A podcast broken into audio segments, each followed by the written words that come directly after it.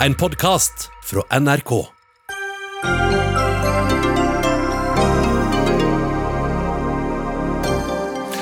Gå på store konserter og skifester, eller la være. Frykten for koronaviruset kan få store konsekvenser for flere arrangementer der mange mennesker samles. Visjon Norge ba om pengegaver mens de snakket om koronaviruset. Åndelig manipulasjon kaller en pastor det, mens grunnleggeren til Visjon Norge kaller det ren bibelsk lære. Det handler om å så og høste. Regjeringen går imot et forslag fra nedsatt utvalg og beholder landets tinghus, mens de reduserer antall rettskretser. Rettskretser. Det hele er et PR-stunt, konkluderer Senterpartiet. Og norske barn med Downs syndrom og cerebral parese får behandling på alternativ klinikk i USA for statens regning, uten dokumentert effekt.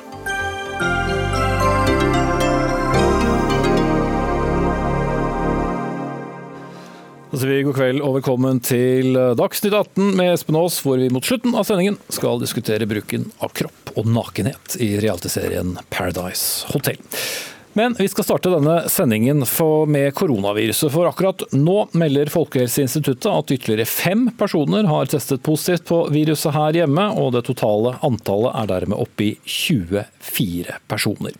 Om lag 90 000 er registrert smittet på verdensbasis, og mens aktive sykdomstilfeller i Kina har falt de to siste ukene, øker antallet smittede i Europa. Og Bjørn Gullvåg, direktør i Helsedirektoratet, hvordan skal vi beskrive denne situasjonen nå? Det er en krevende situasjon, og det er jo kanskje mer oppmerksomhet nå rundt andre områder i verden enn Kina, som i økende grad ser ut til å få kontroll. Men situasjonen i andre land, og også inklusive Europa, er mer krevende. Så vi følger jo veldig nøye med på dette og tar ethvert smittetilfelle svært alvorlig. Følger opp med smittesporing av hver enkelt. Og har i hvert fall foreløpig god kontroll på de smitteveiene som vi har undersøkt. Mm. Ja, når du sier smitteveier, altså at dere vet hvordan de totalt 24 personene da snakker om har fått smitte? Så vidt jeg vet så er det én som vi jobber med å undersøke nøyaktig hvordan smitten har skjedd, men ellers så er det ganske god kontroll over de smitteveiene. og Det er helt avgjørende for at vi skal kunne ta ned all smitteaktiviteten. Så, mm. Er da alle disse smittet også da blitt smittet i utlandet? Nei, det er også smitte nå uh, i Norge. Blant annet så kjenner vi jo til det fra Oslo universitetssykehus. Uh, og nå husker jeg ikke nøyaktig tallet, men det er en, en del som, uh, av disse som har blitt smittet også av, av andre i Norge. Mm. Det gjelder både husstandsmedlemmer og det gjelder kolleger. Mm. Etter da meldingen om at en, en lege med koronaviruset fortsatte å, å møte på jobb, så stiller naturlig nok en del spørsmål om hvordan dere kan være sikre på at vi har kontroll. Ja, det skjønner jeg godt. og Jeg, jeg kan jo ikke si at vi, vi, kan garantere at vi har full kontroll over absolutt alt som har med virus i Norge å gjøre. Så Dette er en, en, en veldig krevende situasjon. og når, når, vi ser at det øker såpass kraftfullt i Europa, så vil det ha konsekvenser også for utbredelsen i vårt land. Mm. Men, men strategien her er jo da å ta hvert enkelt tilfelle på alvor å finne smittekilden i hver enkelt, hvert enkelt tilfelle, slik at vi kan sette folk i hjemmekarantene. Eventuelt isolere dem hvis det viser seg at de har smitte. Men Hvordan skal folk forholde seg til dette? Skal de gå på, gå på toget, gå på T-banen, gå på konsert, gå på fotballarrangement i helgen osv. som vanlig? Jeg vil lansere en helsedugnad hvor vi sier at hvis du har feber, snufser, harker og hoster, skal du være hjemme. Mm. Og du må vaske hendene ofte. Og du må passe på å hoste enten i et papirtørkle som du kan kaste etterpå, eller i albuekroken. For å forsikre deg om at du ikke smitter andre. Mm. Men hvis du er helt frisk, så er du kanskje mer bekymret for at andre skal smitte deg? Ja, og Derfor så trenger vi den solidariteten som gjør at alle bidrar til å redusere smittepresset i befolkningen. Og gjennom at hver enkelt av oss følger disse helt enkle rådene, fra barnehagene og til eh, pensjonistene, så har vi en stor mulighet til å påvirke smittepresset i befolkningen. Mm. Betyr det, ut fra det du nå sier, at eh, de som står bak større arrangementer, f.eks. helgens eh, skifest i Holmenkollen, skal gå videre med arrangementene som planlagt? Vi har vurdert om vi fra statlig nivå skal sette inn spesifikke tiltak og Det vi ønsker er jo at eh, det skal legges stor vekt på disse alminnelige rådene. Eh, og at vi da ber også arrangørene eh, orientere seg samarbeide godt med den kommunale helsetjenesten, og naturligvis også bruke alle de rådene som ligger på Folkehelseinstituttets hjemmesider. Og så har kommuneoverlegen, har et eget, eller smittevernlegen i kommunen har et eget ansvar til å gjøre lokale vurderinger. Men vi mener at det er for omfattende eh, inngrep, og det står ikke i forhold til gevinstene. Det å tilrå at vi skal, eh, at vi skal eh, hindre å gjennomføre disse arrangementene på det nåværende tidspunktet. Men dette vurderer vi løpende, og vi har altså hatt en gjennomgang av det i det som kalles beredskapsutvalget for biologiske hendelser i dag. Mm. Så det er ikke farlig å gå på store arrangementer? Bare du er klar over at uh, altså, smitte, Smittepresset i befolkningen nå er ekstremt lavt i Norge. Eh, så det er nok en veldig, veldig lav risiko. Og, eh, men risikoen vil også være mange andre steder i samfunnet. Vi, vi, har veldig mange steder i Norge hvor det er tilstrømning av mennesker. Folk som tar T-banen, folk som tar buss, øh, som tar fly. De vil jo stå i områder hvor det er tett med mennesker. og Det viktige da er at vi alle bidrar til ikke å utsette andre mennesker for risiko. ved at øh, Hvis vi har feber, snufser, harker og hoster, så holder vi oss borte. Mm. Kristin Weskeren Sæterøy, du representerer Holmenkollen skifestival. Til helgen er det altså ventet da en skikkelig vinterfest i Holmenkollen i hovedstaden som en del av FIS World Cup Nordic. Hvilke forberedelser gjør dere til de mange mange tusen? Jeg vet ikke engang hvor mange tusen du venter eh, skal ankomme på et begrenset område denne helgen? Ja, først og fremst så forventer vi jo kanskje rundt 37 000-38 000 mennesker. Eh, og vi er jo i veldig god dialog og har eh, fulgt opp egentlig alle råd for å kunne gjennomføre til helgen. Det er jo de generelle rådene rundt uh, smitte og hvordan vi forholder oss til uh, hygiene, uh, som vi har egentlig fulgt opp på alle mulige nivåer. Hvordan gjør man det på et stort utendørsarrangement? Altså, vi, har jo, vi, vi har jo antibac stående i egentlig hele anlegget. Dette er jo på det billetterte området, og vi følger opp med egentlig råd når du kommer inn i arenaen, hvordan du skal forholde deg og, og hvordan du skal oppføre deg hvis, hvis noe skulle skje. Og dette gjelder jo ikke bare dette, men det er jo flere andre områder også. Så jeg føler vel at vi er godt forberedt, og vi har hatt en god dialog om hvordan vi skal eh, forholde oss på dette tidspunktet. Eh, og kjenner oss egentlig komfortable per nå. Mm. Frykter dere også at mange vil eh, utebli? Nei, jeg syns ikke det. Jeg ser på billettsalg og interessen rundt arrangementene at eh, vi er i god flyt og ting eh, skal foregå som det skal. Så både hopp og langrenn og kombinert. Jeg tror det blir fulle tribuner. Jeg virkelig håper det òg. Eh, at vi får den gode folkefesten som vi egentlig planlegger og, skal gjennomføre. Mm. Så ut fra det du sier, så har dere gjort det dere kan for at det skal være Sikkert, altså, igjen, jeg må gjenta, snakker om, Vi snakker om 25 personer i, i, hele Norge, men likevel, vi vet ikke hvor mange som eventuelt uh, måtte bære viruset uten å være klar over det. Ja, jeg føler jo at basert på rådene vi har og det vi har gått ut med, og hvordan vi har informert både publikum og, og samarbeidspartnere osv., at vi per nå så har vi gjort det vi kan. Uh, og vi regner med å kunne gjennomføre trygt og sikkert arrangement til helgen. Mm. Per Brekke, fungerende direktør i Direktoratet for samfunnssikkerhet og beredskap. Vi hører landet over forskjellige meldinger fra skoler, arbeidsplasser arbeidsplasser om hvordan folk skal forholde seg til smittefare, om karantene. Vi hører om klemmeforbud, eh, at man skal eh, bli borte fra jobb hvis man har vært på utenlandsreise osv. Finnes det noen måte å få koordinert dette? For Det kan jo fremstå som, som litt forvirrende når et tiltak i en kommune er annerledes enn en annen. Det er klart det er mye som sies og det er mye som skrives, og det er ikke alltid at disse budskapene kanskje drar i, i, i samme retning. Og Jeg skjønner da at folk av og til vil lure på hva er det, det gode rådet og det, det, jeg vil si, og det vi sier, er at eh, vi følger med på hva helsemyndighetene sier i forhold til dette med hygiene. De gode rådene som gjør at vi har bedre sjanse for å holde oss friske, og ikke minst bedre sjanse for ikke å smitte andre. Og som helsedirektøren sier her, Dette med solidaritet, altså host, hark, hold deg hjemme, er et råd som jeg tror er viktig å følge. Også for de som er ute i Skole-Norge, eller hvor de nå måtte være. Mm. Men uh, hvis man på skole sier til uh, elever, som jeg har sett uh, i hvert fall det gjort enkelte steder i landet, barn som virker småforkjølet, vær hjemme for sikkerhets skyld. Har du vært i noen av disse landene hvor det har vært påvist koronasmitte de siste ukene, bli også hjemme, mens andre gjør det ikke? Det er alltid litt forskjellig, og sånn tror jeg det vil være. Men igjen så vil jeg henvise til helsemyndighetene og hva de sier på det området. Eh, hold deg hjemme, kontakt din fastlege, eh, og få en vurdering i forhold til hvordan, det står til egentlig. Så er det et annet eh, spørsmål, nemlig hvor forberedt skal vi være eventuelt på at vi må gå i, i, karantene. Og Da tenker jeg på eventuell innkjøp av matvarer. Jeg hører enkeltbutikker forteller om f.eks. havregryn, toalettpapir, en del basisartikler som hermetikk eh, blir borte. Skal vi, eller skal vi ikke? Vi skal ikke. Eh, vi er et veldig robust samfunn. Eh, og vi har systemer i plass som, som virkelig skal kunne håndtere og fylle de hyllene etter hvert.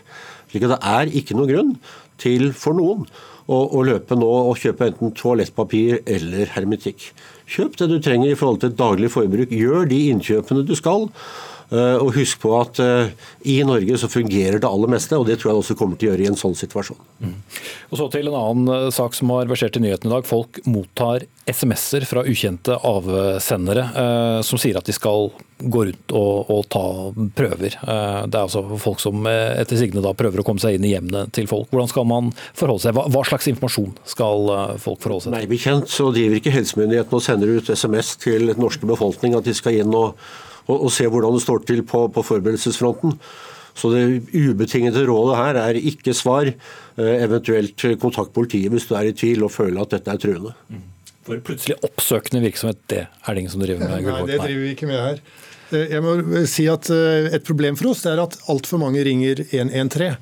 Og 113 er jo akutt nødtelefon i helsetjenesten. og Det er jo bare der hvor, hvor det er virkelig behov man skal ringe 113. Eh, og det er faktisk sånn at eh, Noen eh, med virkelig akutte tilstander har måttet vente i noen minutter fordi kapasiteten er sprengt. Så jeg må nesten anmode befolkningen om å forsøke å få informasjon i andre kanaler. Mm.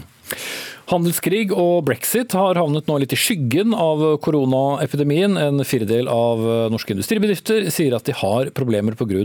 koronasituasjonen. Ifølge en undersøkelse fra dere i Norsk Industri, direktør Knut Sunde, hvilke bedrifter er det som først og fremst eh, rammes av det som, eh, den ja, først og fremst usikkerheten da, som råder?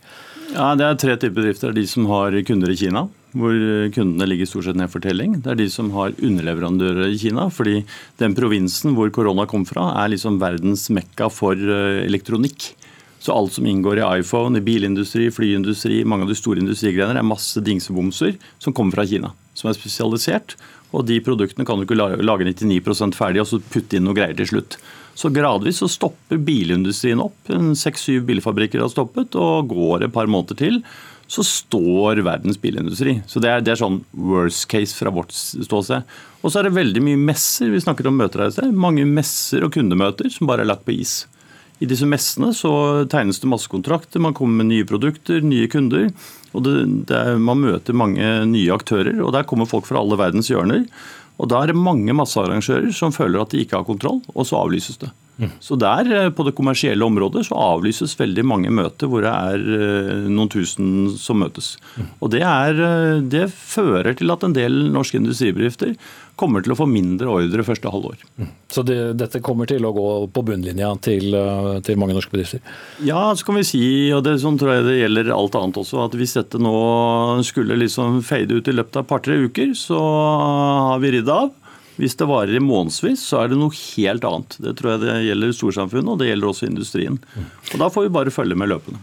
Men sett fra et næringslivs eh, da, eh, hvordan bedømmer du norsk beredskap slik den er nå, ut fra hvordan du kjenner den? Altså nå, I de siste dagene så har vi ringt rundt til alle støperiene og smelteverkene vi har i Norge som bruker støvmasker, fordi myndighetene ønsket å sjekke om vi hadde noen tusen til overs. For det er ikke altfor mye av det i, i, helsevesenet, og vi konstaterer at det er relativt lite. Det har vært manko på dette i mange uker. Eh, vi har noen bedrifter som i en krisesituasjon kan komme opp med noe, og det skal vi komme tilbake til. Men En ting er at industrien som liksom konkurrerer internasjonalt ikke kan sitte med store lager. Det tror jeg man må ta til etterretning. Men jeg tror nok storsamfunnet må ha noen av disse litt enklere produktene og tenke beredskap. Men det, det får bli en del av evalueringen når vi er ferdig med denne krisen om hva, hvor vi kunne gjort ting annerledes. Mm. Gullvåg kort på det med den beredskapen. Ja, Det er helt opplagt at uh, dette med hva vi har behov for av beredskap uh, nasjonalt, det er det nok viktig å ha en gjennomgang på med erfaringer fra den situasjonen som vi er i. Uh, jeg vil understreke det at det med personlig smittevernutstyr f.eks., der er det sviktende leveranser på verdensmarkedet. Og det er krevende for oss. Mm. Så eh, vi kan komme i en situasjon hvor det blir mangel på disse, dette utstyret. Og som gjør at uh, helsepersonell naturligvis kommer i en helt annen situasjon. Mm. Men bare for å understreke det, Da snakker vi om helsepersonell. Vanlige folk trenger ikke å være Nei. bekymret for at de ikke får tak i uh, ansiktsmasker. Nei, det er helt riktig. Sånn at Det gjelder helsepersonell og, og, deres mulighet til å gjøre en god jobb for absolutt alle. Mm. Vi får følge situasjonen eh, videre. Takk skal dere ha alle fire. Bjørn Gullvåg, direktør i Helsedirektoratet. Knut Sunde, direktør i Norsk Industri. Kristin Westgren Sæterøy i Holmenkollen skifestival. Og Per Brekke, fungerende direktør i Direktoratet for samfunnssikkerhet og beredskap. Dagsnytt 18 alle hverdager kl 18.00 på NRK P2 og NRK2.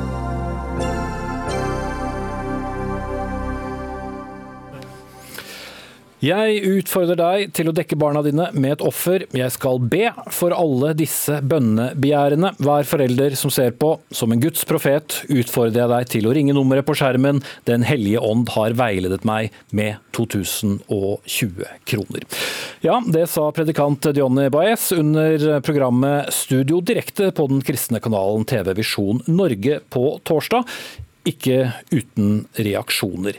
Dette er antikristendom og grov utnyttelse av evangeliet og av sårbare mennesker, skrev du, pastor Erik Andreassen i Oslo misjonskirke Betlehem på Twitter før helgen. Hvorfor så sterke ord?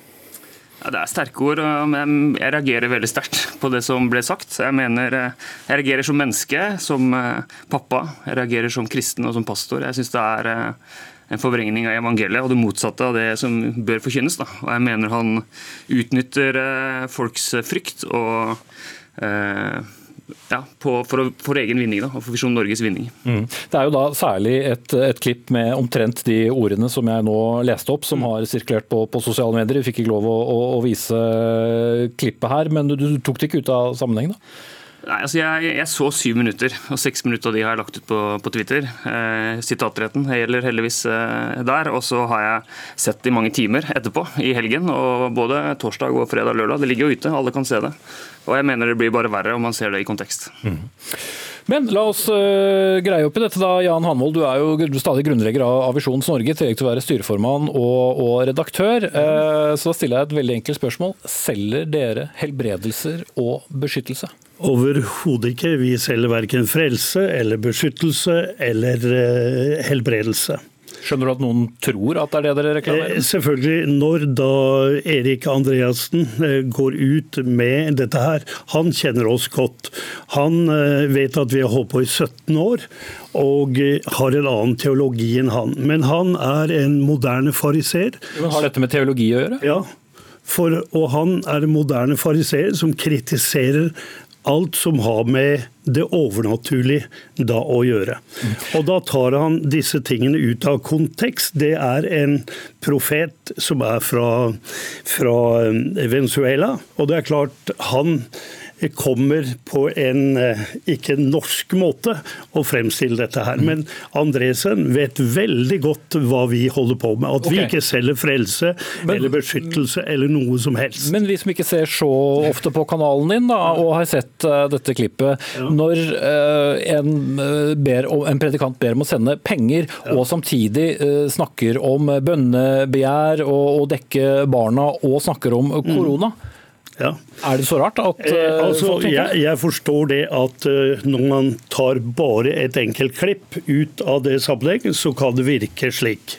Og det beklager selvfølgelig jeg på det sterkeste, at folk uh, kan oppleve det sånn.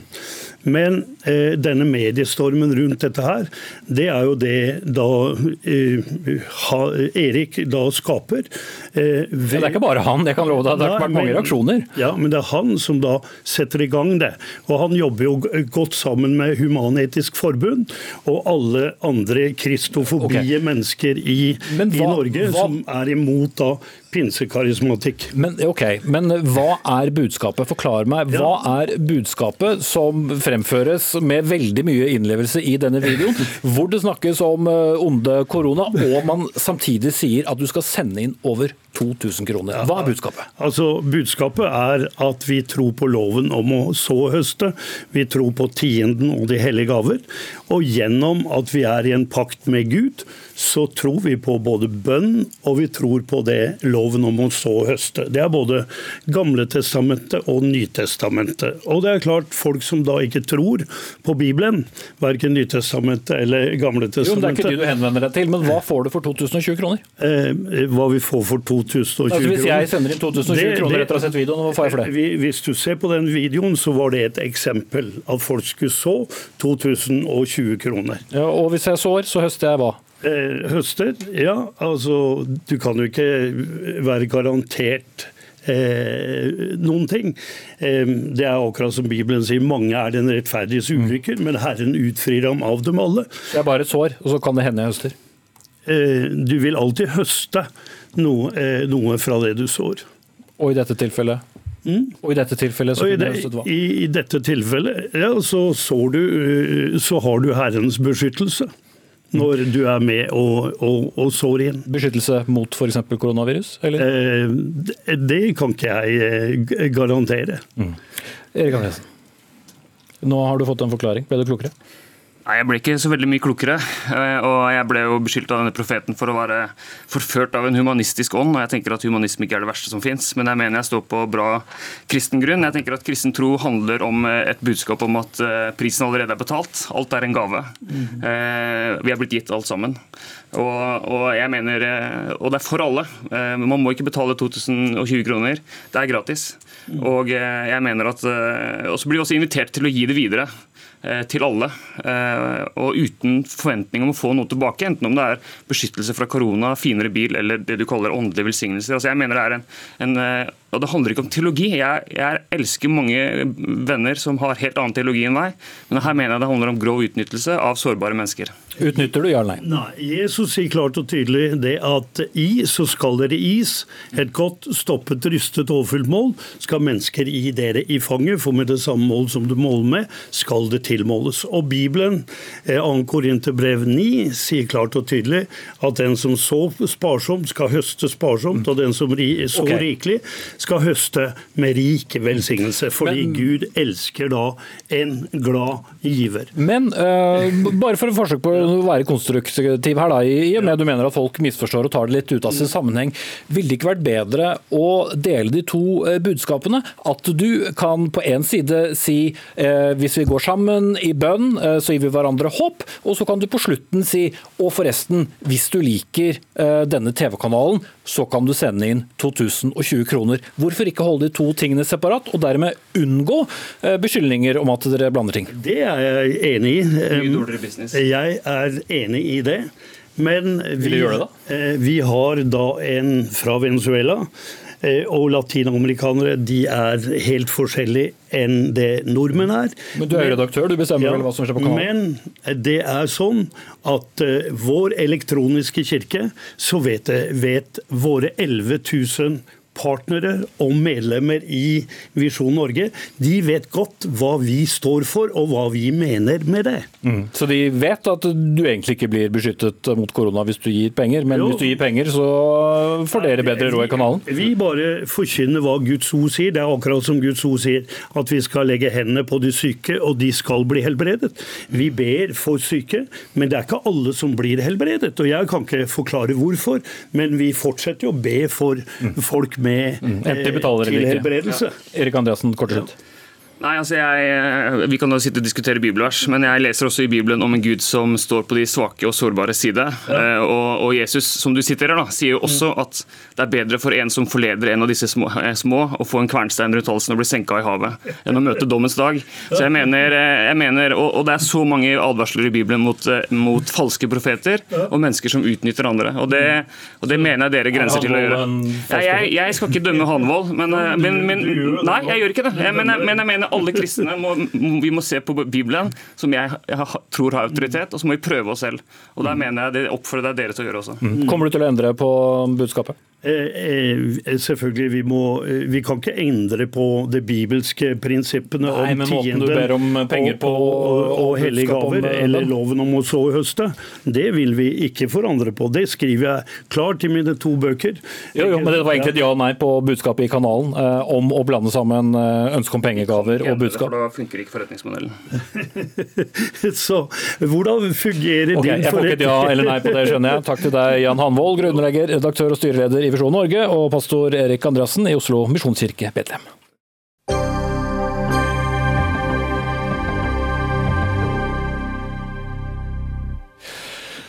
Mot eh, slutten av Dagsnytt 18 så skal vi snakke om 5700 millioner kroner. Ja, det var så mye nordmenn handlet for i utlandet i fjor. Og hvorvidt vi bør gjøre noe med det, vel, følg med mot slutten av sendingen. Men nå. Regjeringen vil eh, ikke gjøre som Domstolkommisjonen foreslo, nemlig å redusere antall tinghus her i landet fra 69 til 30. I stedet foreslår Justisdepartementet å slå sammen flere rettskretser, slik at det blir både færre kretser og også færre sorenskrivere. Men til gjengjeld eh, beholde alle tinghusene. Og dette har vi jo diskutert med både høyt og lavt eh, stemmeleie her i Dagsnytt 18. Emilie Enger Mehl, du er stortingsrepresentant for Senterpartiet, og du var veldig bekymret for at du skulle få færre tinghus. Er du glad nå? Jeg eh, er først og fremst overraska over at regjeringa faktisk velger å gå så langt som de gjør i det forslaget her. Fordi her prøver de å selge inn at uh, ingenting skal endre seg og alle domstoler skal bestå. Men realiteten er jo at de fjerner 40 av 60 eh, sorenskrivere. Dvs. Si at de svekker 40 av 60 domstoler ganske kraftig. De tar vekk den mest erfarne dommeren de har. De fjerner uh, lokal ledelse. Og de sorenskriverne som blir igjen, da, de kommer til å bli mer administratorer enn dommere, egentlig. For de må bruke masse tid på å reise rundt, administrere og drive med byråkrati istedenfor det de skal. Eh, for de som ikke er jurist som deg, forklar da hvorfor eh, dette kan bli et problem. å få færre sorenskrivere når folk får høre at aha, men jeg får jo beholde tinghuset. Er det ikke i tinghuset det skjer? Ja, Det blir jo litt sånn som eh, f.eks. i nærpolitireformen, da, som vi har hatt også. Hvor man, sendt, hvor man har, sier at man skal ha et nært politi, eh, men det som skjer er at man bygger opp ledere som sitter sentralt langt unna der hvor på en måte politistasjonene faktisk ligger. Da. Eh, og Du kan jo sammenligne det litt med dette her. at F.eks. i Innlandet, da, der jeg kommer fra, så skal du ha én leder som sitter på Hamar, som skal lede Gjøvik, Lillehammer, Tynset og Elverum. For domstolen i, i Finnmark da, så er forslaget at eh, domstolen som ligger i Vadsø, skal ledes fra Alta. Det er altså seks timer unna i bil. Men har det noe å si om vedkommende er et annet sted, hvis ja, den først og fremst er en, en, en leder, mens jeg, dommeren beholdes lokalt? Ja, men det, det, som er litt spesielt for sorenskrivere, er jo at de er også dommere. Sånn at eh, en altså Regjeringa sier jo at de vil bygge opp eh, fagmiljøer osv. her. Jeg skjønner ikke hvordan de 40 domstolene som mister sin mest erfarne dommer, skal på en måte få et sterkere fagmiljø av det. Mm. Hvis formålet deres er å beholde de rettsstedene. Og jeg frykter at det her vil svekke de domstolene så mye på sikt at det blir lettere å legge dem ned i neste omgang. Mm, ok, da får vi eh, spørre deg, Lars Jakob Him, du er statssekretær i Justisdepartementet fra Høyre. Hva vinner vi som eh, bor rundt omkring i Norge på at vi får færre sorenskrivere? Vi får ikke nødvendigvis, eh, vi får færre administrative ledere, det er riktig. og Sorenskriveren er en administrativ leder. Men vi får nødvendigvis ikke færre erfarne dommere. Det som er Poenget med den reformen som regjeringen foreslår, dette er en høring, så det er ikke det endelige forslaget. bare presisere det. Men det er jo å få større kompetansemiljøer. Det som har vært pekt på både i Domstolskommisjonen, som er det eh, utredningen som ligger til grunn for dette. Også en riksrevisjonsrapport som kom ganske nylig. Mm, hvordan får vi større fagmiljøer med færre folk? Nei, du får jo et større miljø fordi du får både de dommerne som er på ett rettssted i dag, sammen med dommerne fra flere rettssteder. Det gjør at du kan få et større fagmiljø. Hvis du har en ekspert f.eks. på barnevern, eller du får en stor, komplisert sak innenfor f.eks. et eh, næringslivsspørsmål, så vil du kunne trekke på den kompetansen til å avgjøre den saken lokalt. Så du får en mulighet til å spesialisere, du får en mulighet til fleksibilitet, og du får et større kompetanse kompetansemiljø som også gjør at alle dommerne kan, kan heve seg i et område. og Det styrker rettssikkerheten, ikke svekker den. Hvor mye penger sparer eh, staten på dette?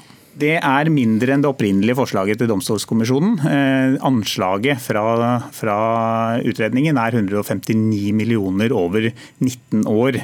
Eh, når det var snakk om å ta og fjerne også tinghusene, så passerte vi 1 milliard. Men dette er jo anslag, så med alle mulige, mulige forhold. Men det er fortsatt en besparelse, men en del mindre enn det opprinnelige, opprinnelige forslaget. Mm.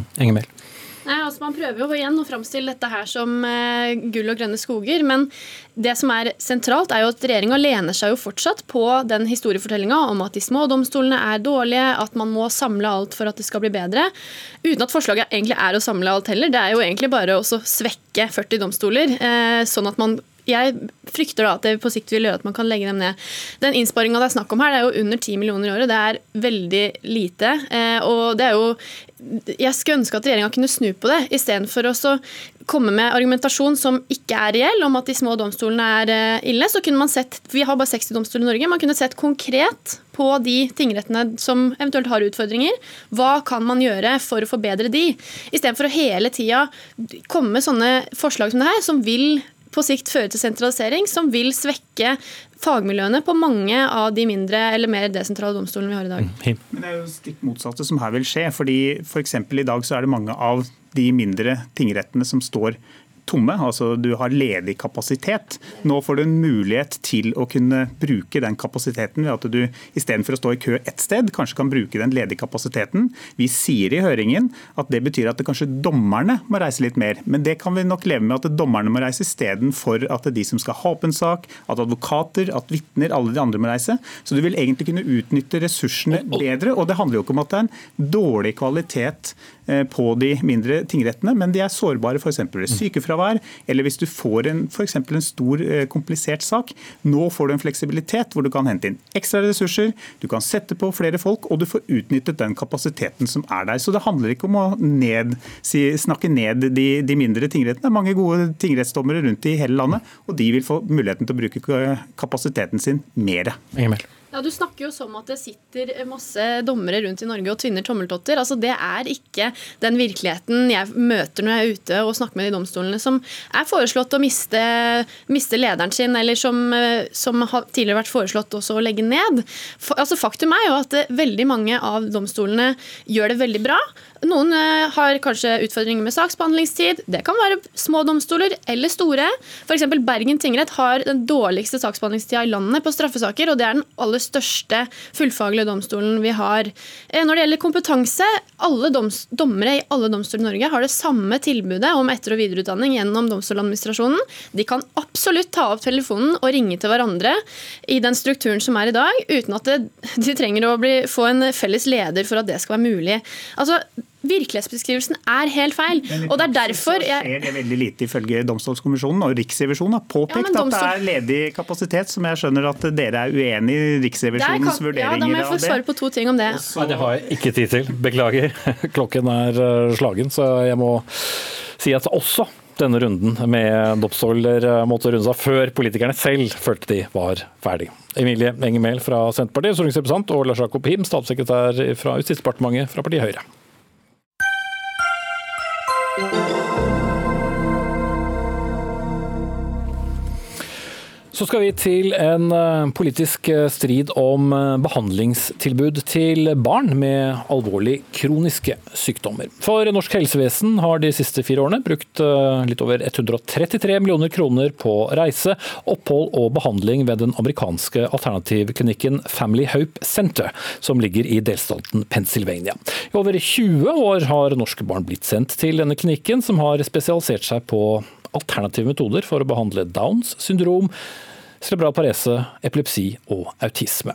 Til Nettavisen sier grunnleggeren for klinikken, Matthew Newell, følgende sitat Det er ikke et mirakel, hvis du vil det nok, kan du klare det. Det er det samme som at en 50-åring som aldri har spilt gitar, kan bli god på det. Hvis du stimulerer lysrefleksene i øynene til barna, kan de lære seg å se igjen. Sitat slutt. Og Stortingsrepresentant uh, Ingvild Kjerkol, er helsepolitisk talsperson på Stortinget for Arbeiderpartiet. Du er kritisk til at regjeringen fortsetter å bruke offentlige penger på dette tilbudet, som vi altså har brukt penger på i et par tiår. Hva, hva er det du reagerer på? Nei, eh, Vi bør bruke eh, offentlige helsekroner i Norge på den behandlinga vi vet virker. Dette er jo en klinikk som markedsfører seg som en alternativ klinikk, og som mener de kan helbrede Downs syndrom få blinde barn til å se. og Det syns jeg ikke vi skal drive på med i 2020. Da skal behandlinga være vitenskapelig. Vi skal bruke pengene på det vi vet kan hjelpe. Mm. Men enhver forelder som har et barn med Downs eh, syndrom er vel helt sikkert innforstått med at man ikke kan reise til eh, USA og få helbredet eh, noen for et syndrom. Er det ikke sånn at de likevel føler at de får en annen form for hjelp i USA enn de får i Norge? Det å få treningsopplegg og at familien blir møtt med forståelse og håp, det, det, tror jeg vi kan få til i Norge også gjennom den helsetjenesten som er vitenskapelig. Eh, gjennom det helsepersonellet som eh, vet at det de anbefaler familiene å, å, å bruke av trening og, og stimuli for unger som har eh, funksjonshemminger og psykisk utviklingshemming.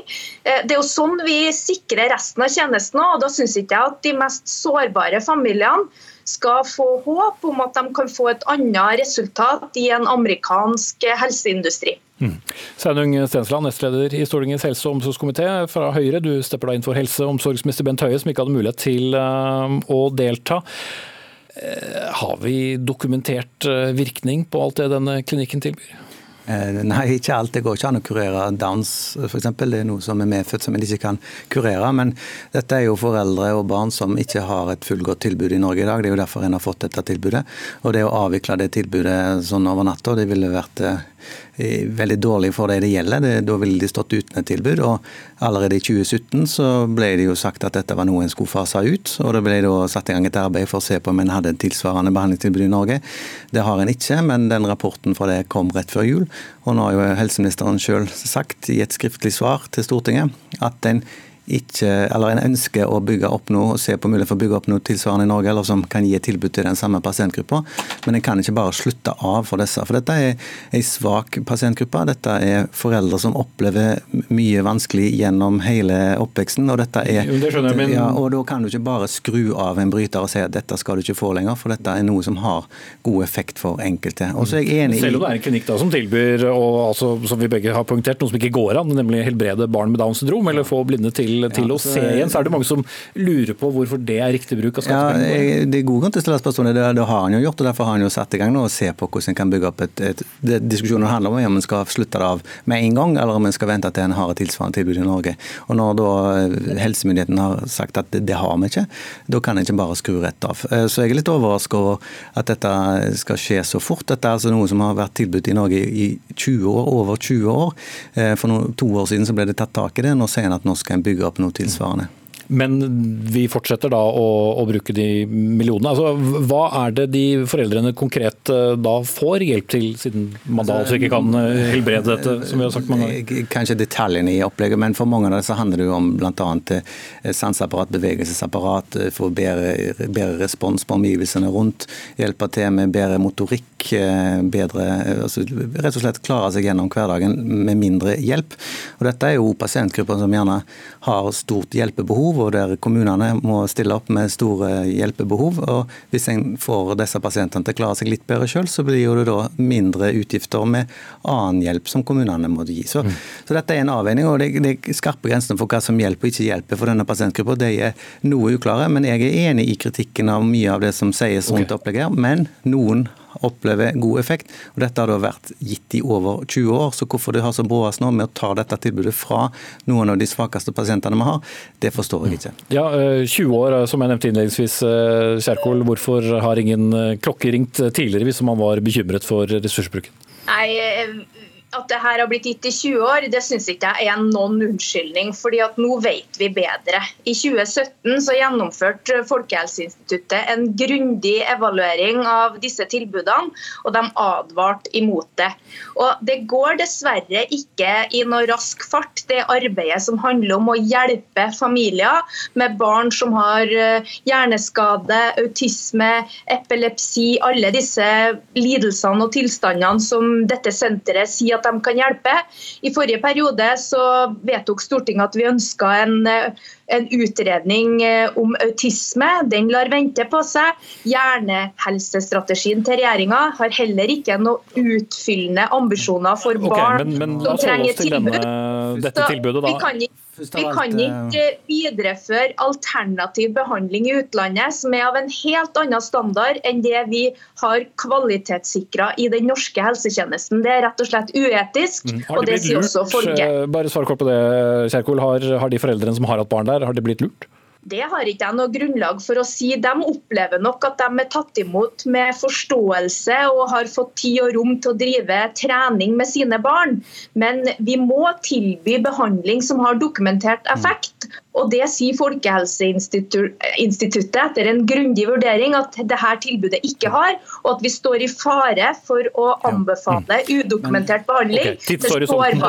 Videre, Nettopp forståelse er vel noe av det disse foreldrene trenger. så det At de får et godt tilbud, det er bra. og så er det jo ikke riktig, Den kritikken av den rapporten om autisme den kom for to uker siden. Så en kan ikke kritisere for ting som ikke kom som allerede har kommet. vi tar det helheten, men vi, vi, vi, må runde av nå. så jeg bare lurer på Hvor lang tid bruker man da på å bygge opp eh, her hjemme som kanskje vil være billigere enn å sende folk til USA til en klinikk som tilbyr mange forskjellige ting? Nå kom denne rapporten eh, rett før jul, som ble igangsatt etter dette arbeidet i Folkehelseinstituttet. Beslutningsforum har sagt at en må gjøre dette på en annen måte, så det arbeidet er i gang. Så akkurat når det kommer, vet jeg ikke, men her kommer det helt sikkert til å skje noe. og Jeg er enig i, enig i at mm. ting bør være kunnskapsbasert, men vi kan ikke bare ta fra folk et tilbud over natta.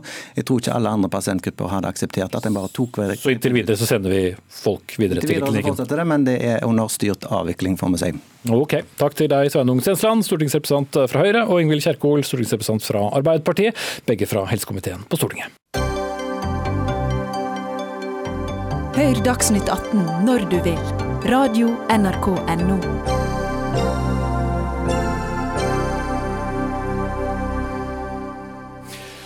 15,7 milliarder kroner. Man kan få mye for det, ikke minst store mengder dagligvarer, brus, godteri, alkohol og tobakk. For det var nemlig denne summen vi nordmenn handlet for i utlandet i fjor. Det aller, aller meste handlet vi i Sverige. Ni av ti kroner brukes nemlig i Sverige når nordmenn handler utenlands.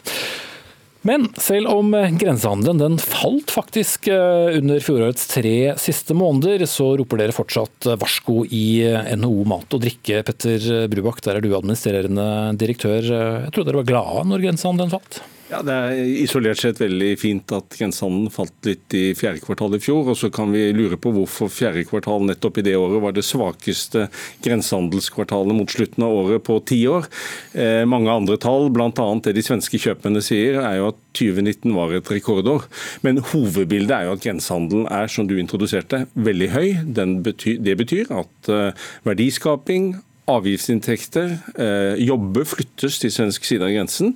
Og så får det konsekvenser for folkehelsearbeidet, for transportpolitikk, det har smugling og kriminalitet som resultat. Så derfor er vi opptatt av at vi får gjort noe med den høye grensehandelen. Mm. Og det å få gjort noe er neppe å nekte folk å reise over grensen til Sverige, men hva konkret eh, er det man da skal gjøre? Jeg syns vi kan følge det våre danske naboer har gjort. De hadde en grensehandel som nærmet seg kanskje en tredjedel, en fjerdedel av det den norske er.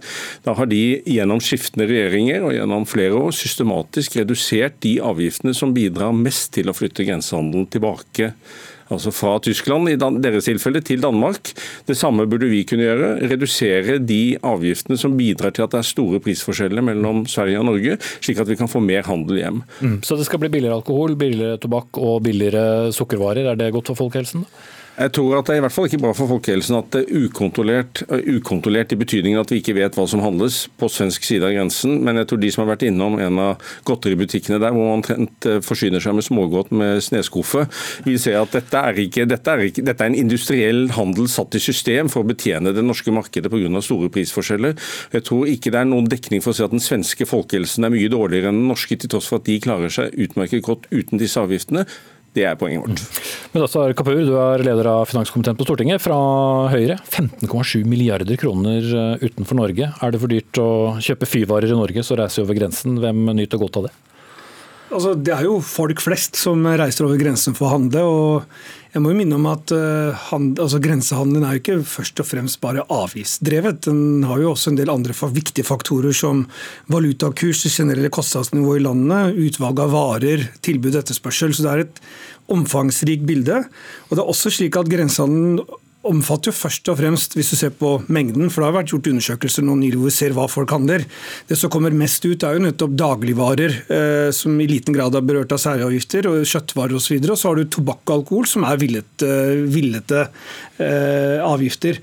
Eh, og så, så, er jeg enig med Brubakk i at vi må se litt på eh, hvordan kan vi skape eh, arbeidsplasser, et eh, levedyktig næringsliv.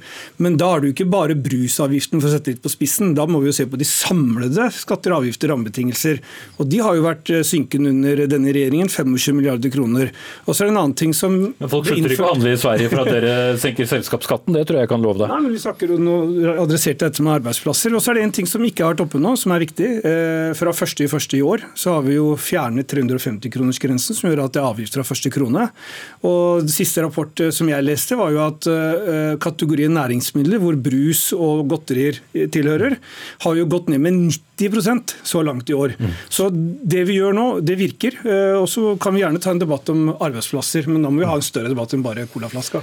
Ja, det er jo skjedd eh, ting. Og for å begrense utenlandshandelen så tok man jo vekk den 350-kronersgrensen som Det skulle oppriktig bare mangle at ja. man fjernet en mulighet Først er avgiftene kjempeviktige når du kjøper produkter i Norge, og så skulle det plutselig være avgiftsfritt å importere det på netthandel. At man fjernet, altså at man retter opp en tabbe, det bare tok for lang tid. Men jeg synes også illustrasjonen er, hvis du ser på de siste rapportene, så er omtrent halvparten av det vi handler, altså nordmenns handlekurv på den andre siden av grensen, er avgiftsbelagte varer i en eller annen form.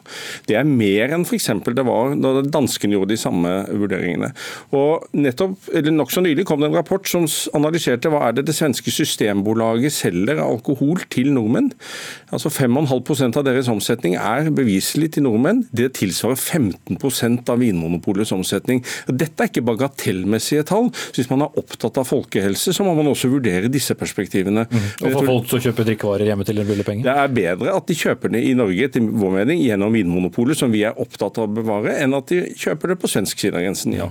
Jeg skal hente inn en en kanskje ja, overraskende våpendrager til deg, Brubakk, som er med oss på, på, linjen, nemlig deg, Bjørnar Moxnes, stortingsrepresentant for Rødt og også leder av partiet.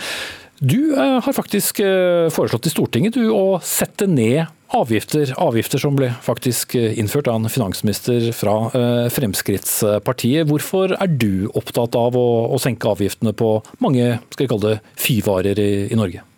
Nei, det handler jo om, eh, om, å ha en norsk næringsmiddelindustri. Eh, dette er den nest største industrigrenen i landet vårt. 40 eh, 000 ansatte fordelt på over 2000 bedrifter landet rundt.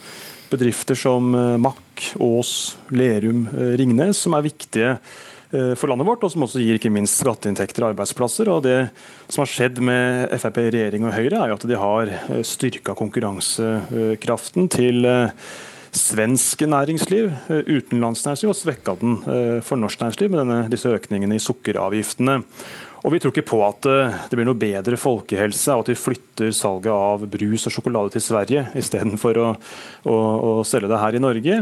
Og I tillegg ser vi at vi trenger å styrke den delen av av industrien som ikke er olje- og gassavhengig. At vi trenger flere bein å stå på når vi kommer til å få mindre inntekter fra olje og gass i framtida. Da er den næringa her spesielt viktig. Og det her var jo i bunn og grunn noe som skjedde, fordi de trengte å finne saldering sant, i en sen nattetime for å eh, sikre skattekutt i formuesskatten. Og så var det en voldsom da, økning i sukkeravgiften over natta som for eh, Freias del eh, innebar en million kroner økt avgift per arbeidsplass mm. fra en dag til en annen. Det ja. syns vi var uklokt og vi ønsker å, å kutte de avgiftene fordi de er direkte skadelige for norske arbeidsplasser mm. kontra utenlandske. Ja, Kapur, ønsket fra, fra, fra, Rødt var da å kutte disse avgiftene, men det gjør ikke dere? Ja, altså, jeg jeg synes jo at det er jo en rørende eh, omtanke som Bjørnar Moxnes nå vier både skatter og avgifter.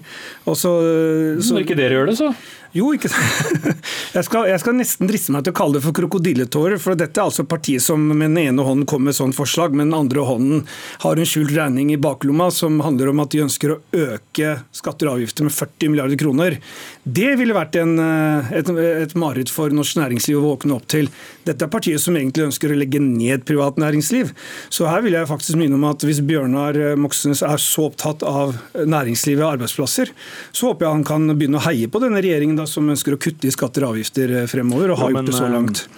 Moxnes. det er nok litt, eh, det er nok litt en avsporing. fordi altså, For det første så ser vi jo eh, både fra Scheel-utvalget og fra Finansdepartementets egne tall at eh, altså kutt i formuesskatten virker ikke på investeringer, men det, det bare svekker skattemoralen og bærekraften i velferdsstaten.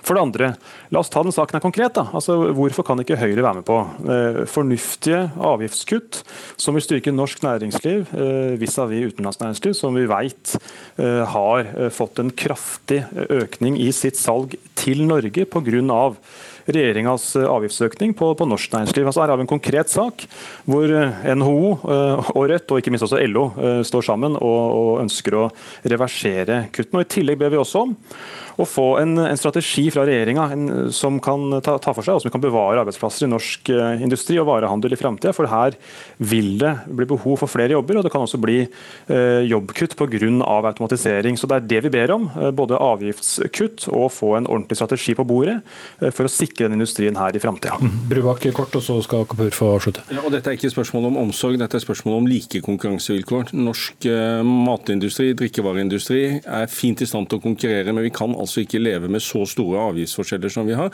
Og så ta med i betraktningen at Når en tredjedel av handlekurven faktisk er ordinære matvarer, så slår jo dette ut langt inn i verdikjeden, inn i primærjordbruket, inn i hele matindustrien, når så mye av handelen drives over grensen av høye avgifter. og Det burde vi kunne få gjort noe med. Kort til slutt, Kapoor, vil, det vil ikke skje noe før dere eventuelt eh, har eh, nye budsjettmøter? går ut fra? Ja, altså de avgift, Skatter og avgifter er noe vi tar i budsjettene. og Også jeg er jo på, eh, på det sporet at vi vil jo selvfølgelig oppfordre folk til å handle i Norge, men vi må ta inn over oss forbrukeratferden som vi ser. Også netthandel, grenseoverskridende handel. Det er derfor vi har fjernet 350-kronersgrensen, og derfor vi må ha en helhetlig skatte- og avgiftspolitikk for norsk arbeidsliv. Mm. Vi får se hvordan eh, denne 350-kronersgrensen slår inn neste gang vi får tall. Eh, noe sier meg, uten at jeg er noen profet, at eh, det er ikke sikkert det er enighet da heller. Takk til Petter Brubakk, administrerende direktør i NHO Mat og Drikke, Mudassar Kapur, leder av Stortingets finanskomité fra Høyre, og Bjørnar Moxnes, stortingsrepresentant for Rødt.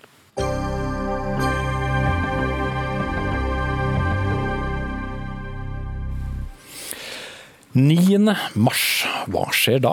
Jo, mange ting. Blant annet kommer den eh, nye sesongen av realityserien Paradise Hotel på TV3 og Viasat. Men eh, i reklamen for denne serien som nå ruller på nett og TV-skjermene, så ser vi alle de kvinnelige deltakerne kun iført bikinitruse på stranden, ellers ikke en tråd. Ja, Noen vil kanskje bestride bruken av ordet truse. Det er mye nakenhet, og signalene som programmet sender ut er ikke bra for ungdom som utsettes for mye kroppspress, skriver du Maren Olava Askehytt i et innlegg i VG i dag. Nå er det på tide at disse selskapene som lager programmene tar ansvar for påvirkningskraften de skaper. Men hvilken påvirkningskraft er det de skaper? Er det ikke først og fremst underholdningsprogram? Eh, man skulle kanskje ønske det, men eh, realiteten er jo at eh, de som er med på reality i dag, blir influensere i ettertid på sine egne plattformer på sosiale medier. Og der har de en, helt enorm påvirkningskraft og reklamerer fort for ting som ikke er veldig heldige. I tillegg så er det jo noe med Som da? F.eks. piller, som Aftenposten nå nylig avslørte at slett ikke funker. Det kan være altså, self-tan, tannbleking, tabletter som skal gjøre deg brun, få lengre hår. Ja. Og, og, selvfølgelig også andre ting, og det kan være klær osv. også. Og det er ikke bare negativt at de reklamerer for, for uh, ulike elementer, men uh, realiteten er jo at de reklamerer for uh, mye, og i tillegg også det fokuset på utseendet og sånn som jeg ikke liker så veldig godt. da. Men nå snakker du egentlig om to ting. Hva deltakere i et reality-program gjør etter at de er ferdig med programmet, kan vel kanskje ikke de som har skapt programmet stå til ansvar for, eller?